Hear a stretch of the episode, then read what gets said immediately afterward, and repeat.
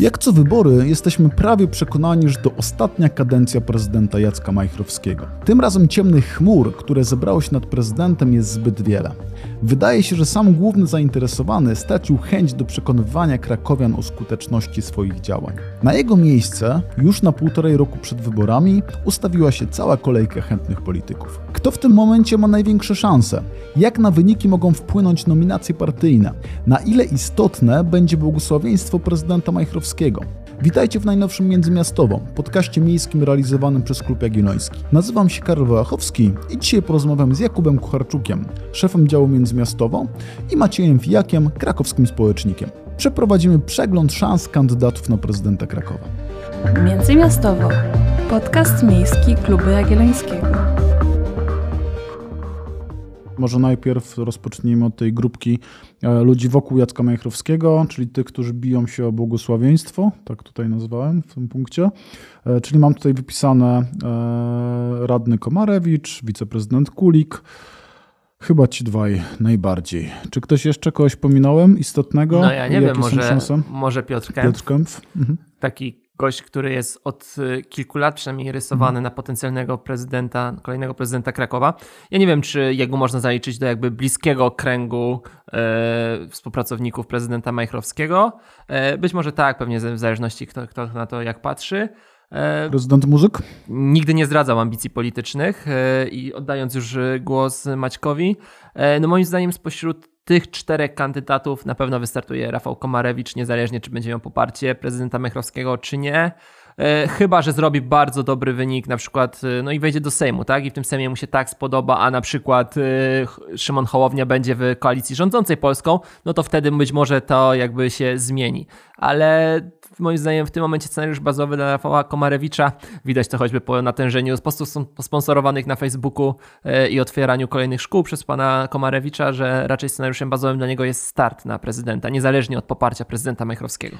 No i też e, a propos tego wątku z e, panem Rafałem Komarewiczem, no jednak głosował kilka razy już przeciwko e, panu prezydentowi, czyli w kontrze do tego, co prezydent chciał. Tak było na przykład przy mm, y, odrzuceniu planu dla osiedla podwawelskiego. Ja też myślę, że Rafał Komarewicz wystartuje, bo nie widzę innego powodu, dla którego miałby prowadzić tak intensywną i tak drogą kampanię w tym momencie. Jest absolutnie na wszystkich eventach miejskich, na każdych otwarciach skwerów, szkół, na piknikach sąsiedzkich ze swoim wielkim, mm, y, wielkim namiotem, e, z swoim imieniem i nazwiskiem. Natomiast też trzeba przypomnieć, że już raz panu Komarewiczowi się to nie udało przy ostatniej kampanii do Senatu, gdzie jego billboardy były absolutnie na każdej ścianie w Krakowie. No i e, przegrał z Kretesem e, zarówno z e, dzisiejszym senatorem Klichem i z kontrkandydatem Prawa i Sprawiedliwości, czyli panem Mazurem. Był ostatni, miał 28 tysięcy głosów.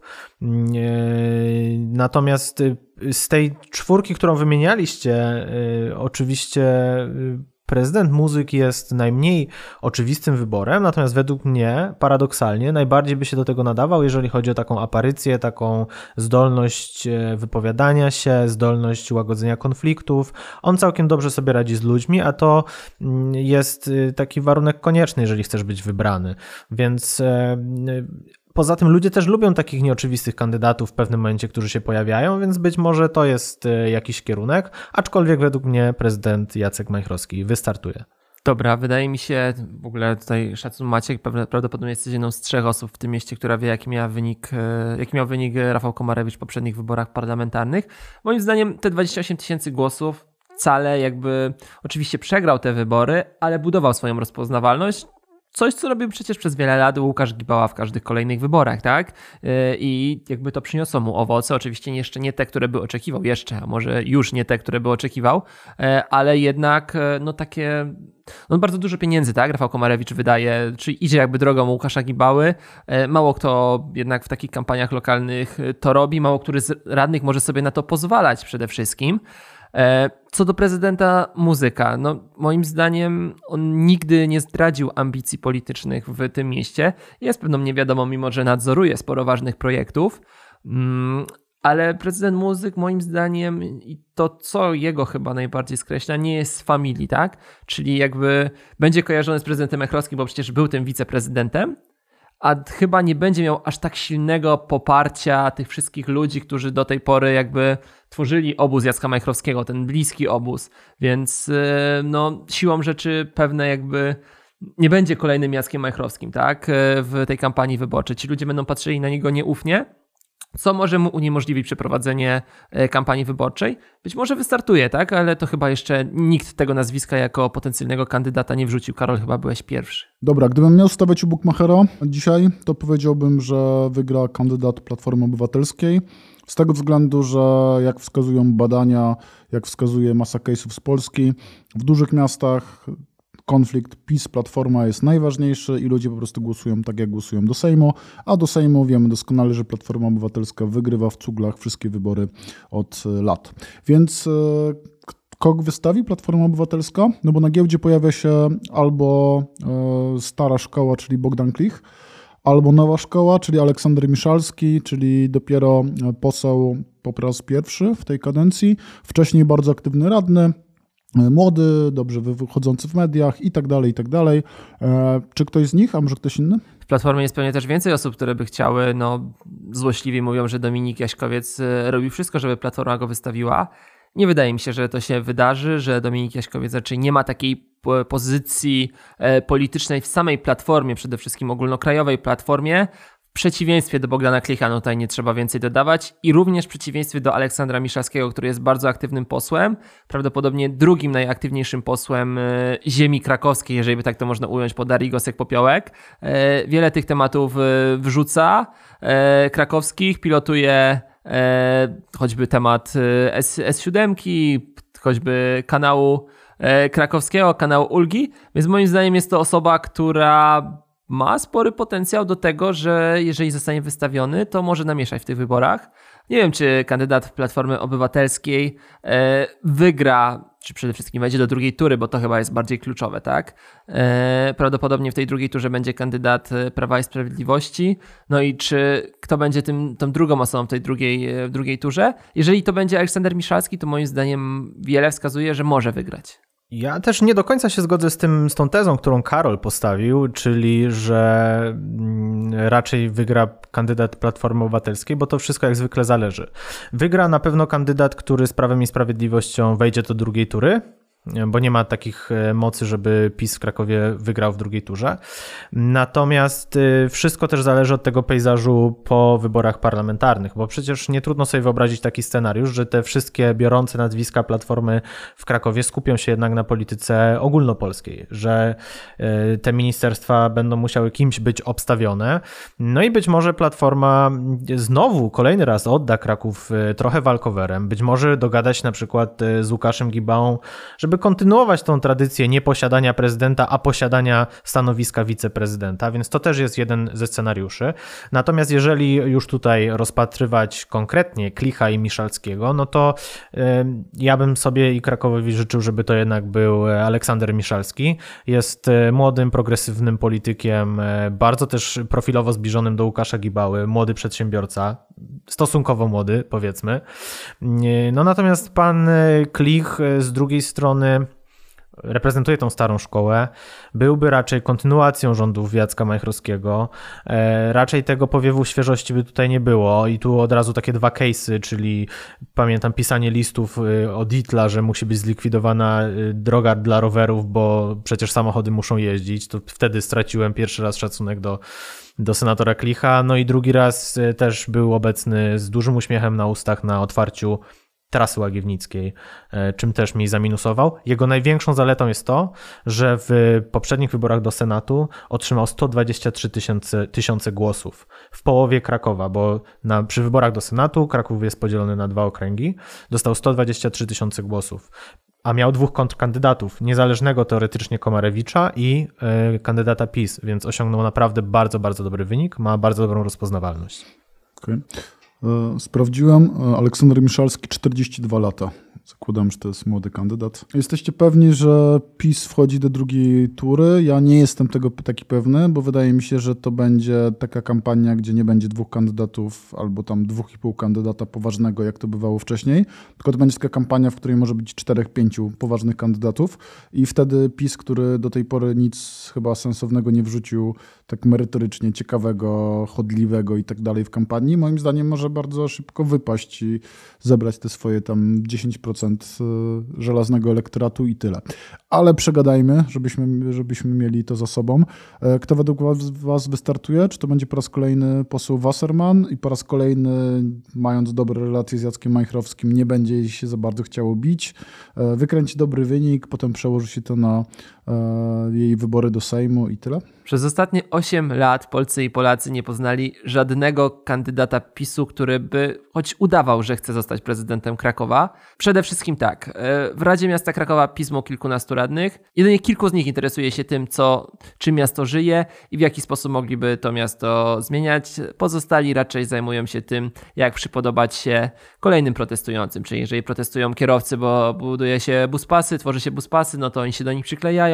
Jeżeli ktoś protestuje przeciwko jakiemuś planowi, planowi miejscowym, to oni się do nich przyklejają i tak dalej, i tak dalej, no to raczej nie jest y, strategia na wykreowanie kandydata, który mógłby zaproponować coś y, ciekawego dla tego miasta i dla jego mieszkańców.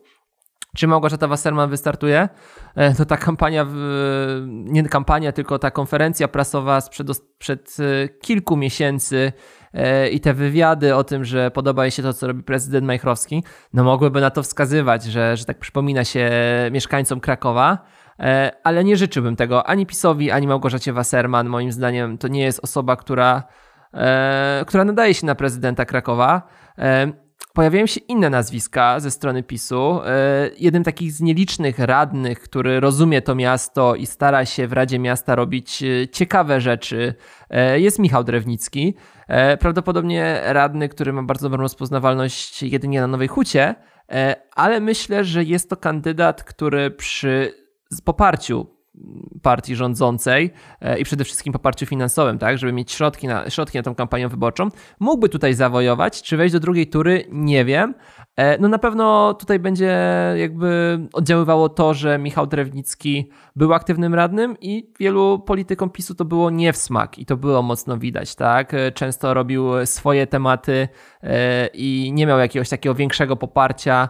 Nawet media publiczne mu nie pomagały, a przecież doskonale wiemy, że, że wielu politykom PiSu pomagają i, i promują ich, więc nawet wśród elektoratu PiSu będzie musiał zbudować swoje poparcie, nie mówiąc o innych mieszkańcach Krakowa, którzy przecież pewnie będą do niego negatywnie nastawieni, bo jest kandydatem PiSu. Moim zdaniem, e, niestety dla Krakowa Małgorzata Wasserman e, będzie kandydatką Prawa i Sprawiedliwości.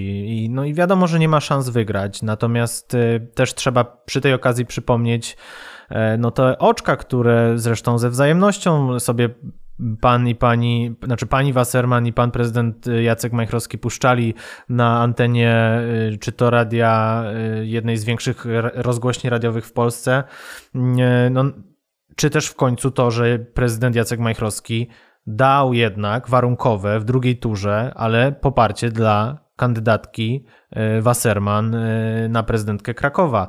To przypomnę jest scenariusz, gdzie mm, miałaby się tam znaleźć e, pani Wasserman z Łukaszem Gibałą. No i prezydent powiedział, że w takim przypadku da poparcie mm, kandydatce Prawa i Sprawiedliwości. No coś, co jeszcze, nie wiem, rok temu było w Krakowie absolutnie nie do pomyślenia.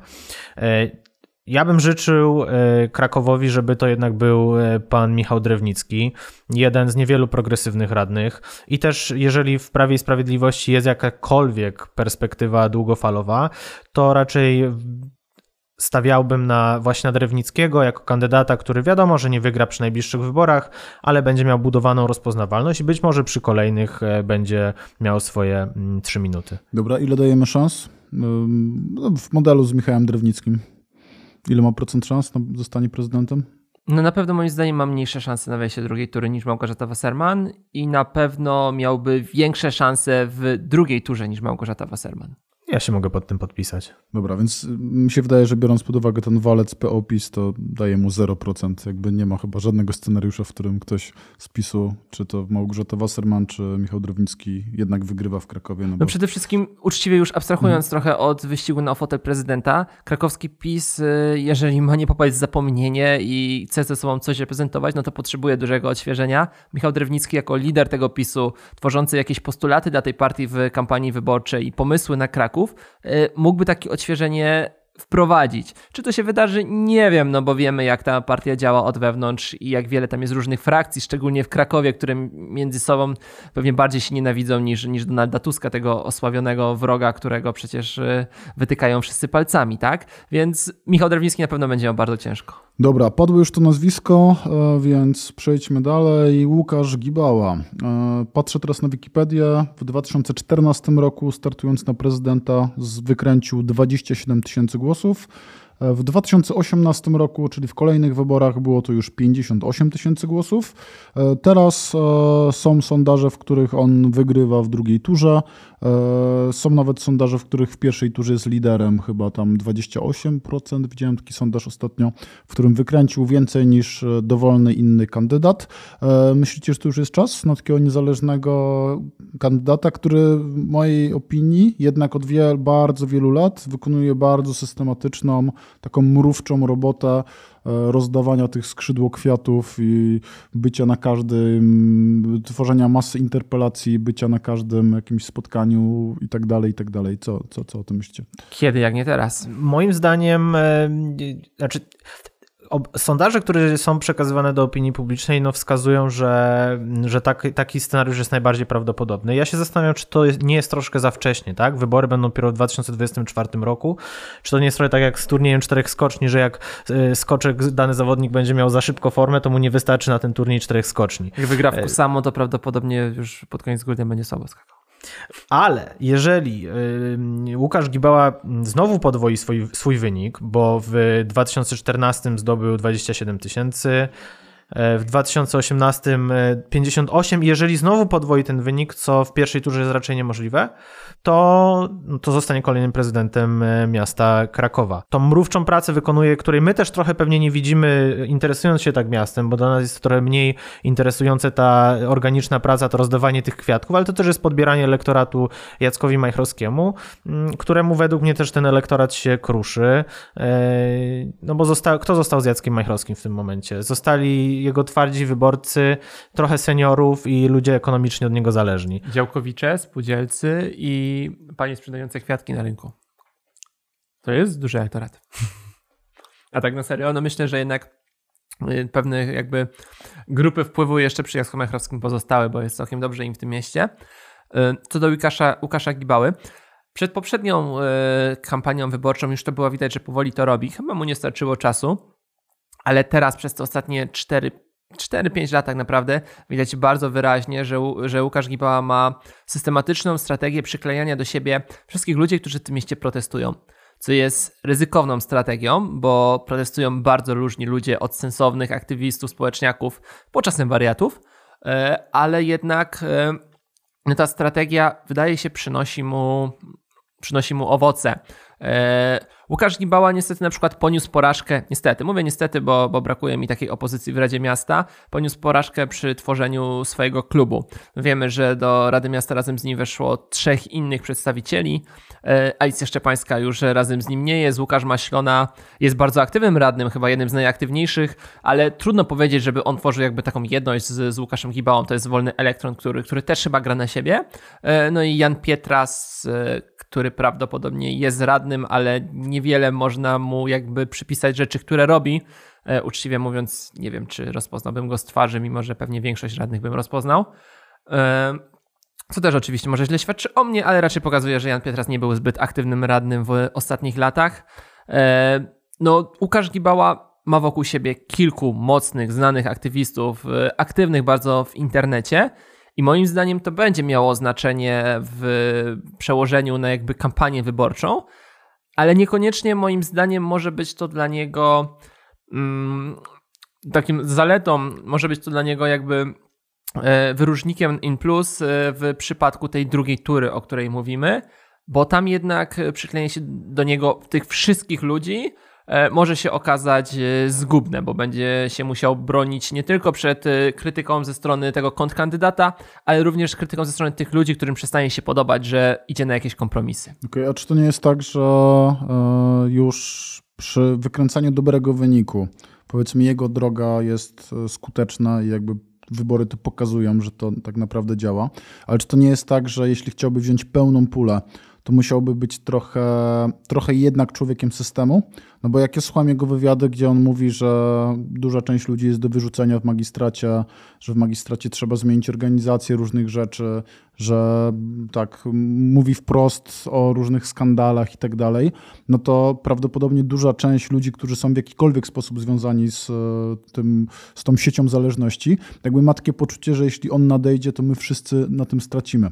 No i pytanie, czy to nie jest tak, że to jest taki gość, z którym trudno się dogadać, no i wtedy trochę w tej drugiej turze będzie wszyscy na Łukasza Gibały. Tak, ale przede wszystkim e, kluczowe pytanie jest to, czy tych ludzi, którzy boją się efektów pracy Łukasza Gibały jest więcej niż tych ludzi, którzy boją się tych ludzi, którzy się boją efektów pracy Łukasza Gibały. no moim zdaniem w urzędzie jest naprawdę wielu urzędników, którzy już nie mogą znieść tego, co tam się dzieje. E, zarabiają całkiem nieźle, raczej nie mają alternatyw, no bo w urzędzie krakowskim no raczej się bardzo źle, oczywiście w korporacji pewnie można zarobić lepiej i wielu ludzi wybiera tą korporację, ale jeżeli ktoś chce być urzędnikiem, no to lepiej być urzędnikiem miejskim niż urzędnikiem powiatu krakowskiego, urzędnikiem marszałkowa i tak dalej, i tak dalej. E, więc moim zdaniem może być tak, że jakby też ta masa ludzi, którzy w tych urzędach funkcjonuje, bardzo mocno kopie dołki pod Jackiem Majchrowskim i tak naprawdę utęsknieniem czeka na takiego kogoś jak Łukasz Gibała. Oczywiście to jest moja hipoteza, nie mam danych e, i chyba nikt nie ma takich danych, żeby, które by to potwierdzały. Wyrzucenie wszystkich y, z urzędu, z każdego szczebla i generalne przewietrzenie magistratu jest po prostu fizycznie i logistycznie niemożliwe, więc żaden kandydat, przyszły prezydent miasta nie może tego zrobić i nie może sobie na to pozwolić. Ja zresztą też widzę, że Łukasz Gibała coraz ostrożniej kreuje te postulaty wietrzenia magistratu, że raczej przynajmniej jego środowisko skupia się na tych stołkach dyrektorskich, tych, którzy tym wszystkim zarządzają, często związane z, partią, z partiami politycznymi, mm, niż na tych y, szeregowych urzędnikach. I myślę, że to jest też dobry klucz, żeby ludziom, którzy są uczciwi, którzy naprawdę lubią swoją pracę, którzy przychodzą do tej pracy z zapałem, ale przez ten polityczny sufit, który nakreślił prezydent Jacek Majchrowski, nie mogą rozwijać swoich kompetencji, nie mogą się w tej pracy realizować, żeby ich e, wreszcie docenić. Myślę, że to będzie jeden z też z głównych tematów kampanii, bo y, każdy, każdy kandydat będzie chciał zgarnąć tą pulę e, dla siebie. Idąc dalej, e, poparciem tym ogólnopolskim mamy chyba Konfederację, ale chyba Konrad Berkowicz po ostatnich wyborach wewnętrznych jest tak poobijany, że chyba może już odpuśćmy mu. E, to przejdźmy do Lewicy. E, z Lewicy chyba jedynym, jedynym aktywnym politykiem tutaj jest Daria Gosek-Popiołek, która pewnie wystartuje. Czy wystartuje, czy nie wystartuje? Czy ma jakieś szanse i czy w ogóle, czy na przykład może być tak, że jednak jej wykręci jakiś dobry wynik w takim sensie, że nie wiem, 8% i czy może być jakimś tam bonusem ewentualnie jej poparcie w drugiej turze, jak panowie myślicie? Nie wiem, czy Daria Gosek-Popiołek wystartuje, bo tam chyba bardzo duże znaczenie, chyba największe w ogóle będzie miało to, jak się ukształtuje sytuacja polityczna w Polsce po wyborach parlamentarnych w 2023 roku. E, czy lewica przetrwa, czy partia razem będzie wystawiała osobnego kandydata, czy będzie razem z lewicą i tak dalej. Moim zdaniem tam tych scenariuszy jest wiele. Oczywiście jest to chyba jedyna polityczka lewicy, no może poza e, Tomaszem Leśniakiem, który gdzieś tam czasem od czasu do czasu sobie przypomina, czyli tą osobą, która e, która odrzuciła w Krakowie pierwsze igrzyska, tak? Wywalczyła referendum i przekonała krakowian, że tych igrzysk zimowych w 2022 roku powinno w naszym mieście nie być. No i wydaje mi się, że Daria raczej wystartuje, tak? To jest chyba bazowy scenariusz y, dla niej i dla lewicy, mm, ale tam naprawdę tych zmiennych jest wiele. Y, ja bym chciał, żeby wystartowała, tak? Bo, bo nie ma co ukrywać, mimo jakby naszej jak nie do końca zbieżności światopoglądowej, czy zbieżności też y, Kajotu, to nie ma co ukrywać z lewicą, no to jest to osoba, która e, chyba pod względem jakby pomysłów na miasto e, jest jedną z najsensowniejszych w tym momencie, w tym momencie jakby w krakowskiej polityce, a przede wszystkim też wydaje mi się, że mocno plusuje aktywnością poselską, bo już o tym wspomniałem, ale chyba jest pod względem też interpelacji, ale zaangażowania w sprawy miejskie obecnie najaktywniejsza. Ja również bym życzył e, przede wszystkim jakby jakości, dla jakości debaty publicznej i tej kampanii dobrze by było, żeby posłanka Gosek-Popiołek wystartowała w wyborach, bo jednak wnosi jakąś świeżość, wnosi dużo pomysłów, e, też jakieś takie działania kontrolne, to jest to, co ludzie lubią, przynajmniej tak mi się wydaje. Natomiast Trudno sobie Chyba, wyobrazić. Chyba, że są kontrolowani. Chyba, że są kontrolowani, dokładnie. a, aczkolwiek trudno mi sobie wyobrazić, że cała lewica, y, czyli ta koalicja, y, ja, ja, już też w ogóle bardzo długo mi zajęło rozeznanie się, kto tam z kim jest i jak to wygląda, ale jeżeli roz, dobrze rozumiem, to jest SLD, Lewica i Razem i oni są wszyscy w jednym kuble. Trudno mi sobie wyobrazić sytuację, w której y, Nowa Lewica zaprasza na swoje konwencje prezydenta Jacka Majchrowskiego, który jest tam gościem niemalże honorowym, y, no a następnie daje poparcie jakiemuś innemu kandydatowi. Wiemy też, że trochę ludzi z dawnego SLD jest związanych wciąż z Jackiem Majchrowskim, więc tutaj rozgrywka będzie bardzo ciekawa. Karol, wspomniałeś o Konfederacji. E, wydaje mi się, że szkoda naszego czasu i słuchaczy, żeby się nimi zajmować, bo oni się Krakowem nie zajmują, e, ale jest jeszcze kandydat, zanim chyba przechodzimy powoli do tych takich e, mniej oczywistych kandydatów, no to wrzućmy tego breaking newsa. Radny Łukasz Wantuch wrzucił, że chyba się porwie e, na, znaczy nie powiedział tego wprost, ale ten jego post na Facebooku sugeruje, że chyba się porwie na prezydenturę, co z jednej strony potwierdza, jak bardzo się kotuje w obozie Jacka Majchrowskiego, przecież to bliski radny e, obozu, e, ale z drugiej strony pokazuje, że mogą się pojawić kandydatury, których się nie spodziewamy, tak? Jeżeli nie będzie takiego zdecydowanego faworyta, no to być może w mieście pojawią się kandydatury, których E, no nikt, nikt by nawet, w sensie my nawet jeszcze te nazwisk nie znamy tak naprawdę, może jacyś przedsiębiorcy. Okej, okay, więc przegadaliśmy tych bardzo oczywistych kandydatów, a czy może się pojawią jacyś tacy nie z tego establishmentu politycznego, którzy być może zaskoczą e, i tutaj na tej giełdzie Kuba już wrzucił Łukasza Wantucha, e, na tej giełdzie pojawia się na przykład mój przełożony bezpośredni, czyli rektor Stanisław Mazur, rektor Uniwersytetu Ekonomicznego, który gdzieś tam pojawia się w przestrzeni medialnej e, z powodu tego, że pracuje na uczelni, to może nie będę tego komentować, więc no może to ja sobie możecie... pozwolę, bo nie pracuję na żadnej uczelni. E, przede wszystkim tak, Stanisław Mazur jest chyba już bardzo poważną kandydaturą, nie ma co ukrywać, oczywiście oficjalnie tego startu nie ogłosił, ale wiele jego działań wskazuje, że, że tym kandydatem będzie. E, kontakty z mediami, e, artykuły, konferencje prasowe. No, na 90% e, pewnie sobie furtkę bezpieczeństwa zostaje, ale raczej jest zdecydowany na start.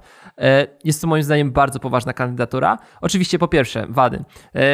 Nikt nie zna Stanisława Mazura poza pracownikami UEK-u, takimi jak ty, Karol, oraz częścią studentów, bo myślę, że nie wszyscy studenci znają swojego rektora. Zna go na pewno wierchuszka krakowska jest bardzo dobrze posieciowany. E, aha, okej, okay, to nie jest wada, to jest, e, to jest zaleta, tak? Jest bardzo dobrze posieciowany. E, prawdopodobnie będzie w stanie zbudować duże zaplecze finansowo-polityczne wokół siebie.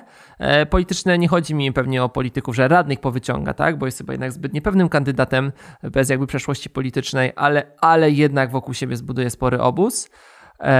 No i jest ze środowiska, które w ostatnich latach jest jednym z najprężniej działających środowisk quasi-politycznych, czyli środowisko GAP-u, Gospodarki Administracji Publicznej, które organizuje olbrzymie sympozja, jak na skalę uniwersytecką.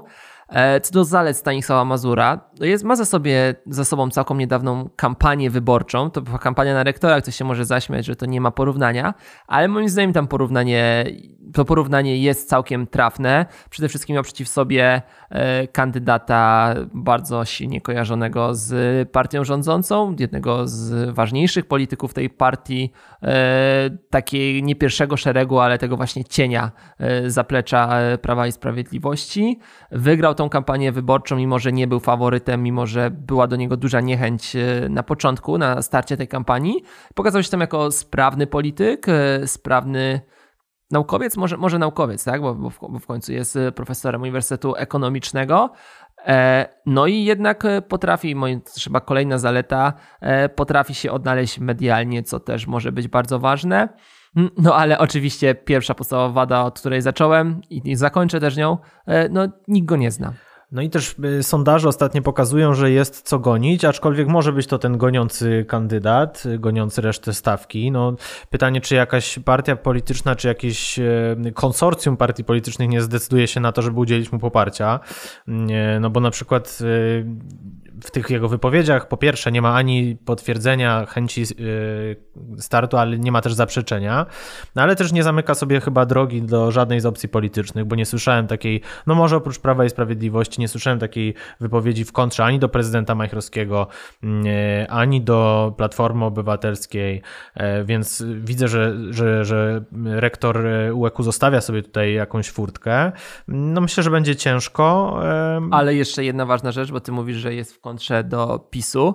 E, wydaje mi się, że to jest na tyle sprawny gracz, że choćby po działaniach UEK-u ostatnich lat widać bardzo dobrze, e, że oczywiście krytykuje to, co PiS robi wobec samorządów, obniżanie podatków, tą presję i konflikt ogólnie e, jest bardzo krytyczny wobec Prawa Sprawiedliwości i ich działań, ale w tym samym czasie pozyskuje duże środki od Prawa i Sprawiedliwości dla swojej uczelni, rozpoczyna kolejne inwestycje, więc no tutaj to pokazuje jakby jego sprawność polityczną i to, że wokół siebie ma też ludzi, którzy się bardzo dobrze odnajdują w, w Prawie Sprawiedliwości i, i potrafią tam robić duże projekty. Wydaje mi się, że mm, też ten jego charyzmat jest e, w Krakowie bonusem, no bo jednak jak popatrzymy sobie na to, jak prezydent Majchrowski został po raz pierwszy prezydentem, no to jednak jest, co, przynajmniej kiedyś tak było, teraz to jest do sprawdzenia, sprawdzimy dopiero w trakcie wyborów, ale chyba krakowianie lubią naukowców, i też jest takim dostojnym człowiekiem, który możemy powiedzieć, że jest trochę taką nowszą generacją prezydenta Majchrowskiego. E, no więc tak e, charyzmatycznie wydaje mi się, że to byłaby jakaś taka kontynuacja i ci wyborcy, którzy kiedyś przez tyle lat głosowali na Majchrowskiego, chyba mogliby na kolejnego rektora zagłosować. Ale taki duży pytajnik, który ja bym tutaj postawił, e, też tutaj nie mam żadnej wiedzy jakiejś tam szczegółowej, więc bardziej pytanie, które zadaję, to jest takie, czy ktoś, kto całe życie spędził na uniwersytecie, i nie miał kontaktu jednak z takim zwykłym człowiekiem, nie brał udziału w kampanii wyborczej, e, a ta kampania to była wśród naukowców, a nie wśród normalnych ludzi. Czy będzie w stanie e, wyjść i właśnie złapać jakiś kontakt? Bo jednak zauważmy, że jednak wyborcy chcą wybierać kogoś, kto jednak jest jakoś tam blisko, a nie jest gdzieś tam totalnie daleko i jest nietykalny w zasadzie z ich perspektywy. Ja to nie wiem, bo cały czas rządzi prezes, Kaczyński, który tam blisko ludzi nie jest, bo się raczej odgradza kordonem, więc nie wiem, czy do końca tak to działa. Być może, jakby nie polemizuję z tą tezą.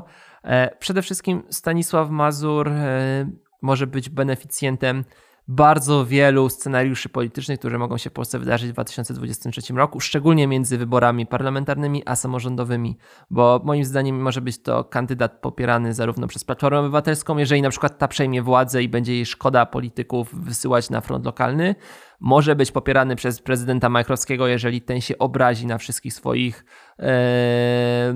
wszystkich swoich jakby ludzi, którzy w tym momencie walczą o jego poparcie, tak? Czyli właśnie Rafał Komarewicz, właśnie może, może Andrzej Kulik, e, może Piotr Kęp, e, może jeszcze ktoś inny, tak? O Jerzym Muzyku mówiliśmy, e, więc tutaj też może zyskać.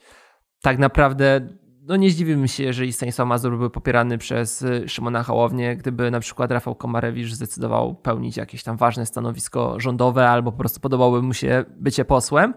E, więc y, no tutaj jest to osoba z największym jakby potencjałem do skokowego zwiększenia swojego jakby znaczenia w, przed tymi wyborami. Czy to się wydarzy? No trudno w tym momencie powiedzieć, tak? To już jest gdybologia stosowana.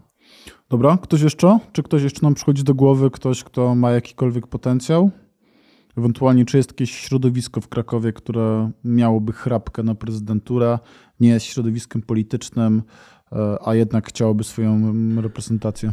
No, jeszcze nawiązując do tego, co Kuba powiedział, czyli e, pan Łukasz Wantuch, no to jest osoba kompletnie przypadkowa, która w Radzie Miasta znalazła się przez zupełny przypadek, zdobyła jakieś 400-600 głosów i weszła tylko dlatego, że osoba, która zdobyła mandat z trzema tysiącami głosów e, musiała odejść ze stanowiska, więc kompletnie no tutaj bym to taką kurtyną milczenia ograł y, w stylu Konfederacji.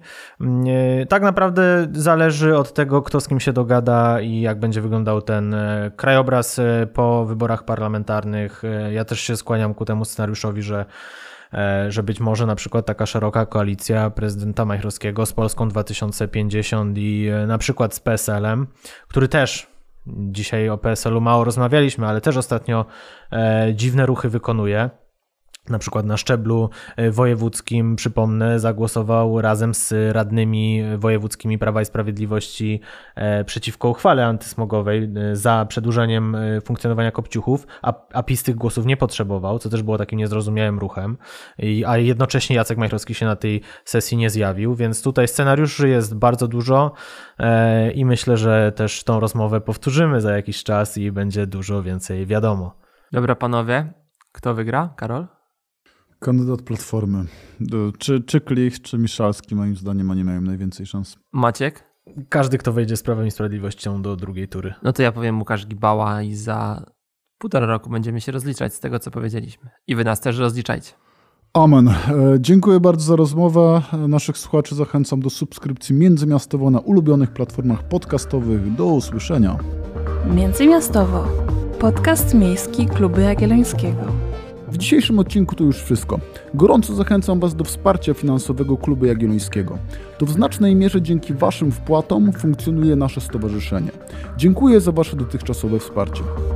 Produkcja tego odcinka została sfinansowana ze środków otrzymanych w ramach Programu Rozwoju Organizacji Obywatelskich na lata 2018-2030, których operatorem jest Narodowy Instytut Wolności Centrum Rozwoju Społeczeństwa Obywatelskiego. Pozyskany grant pozwala nam rozwijać nie tylko nasz podcast, ale inne działania w tematyce miejskiej na portalu klubjagielloński.pl.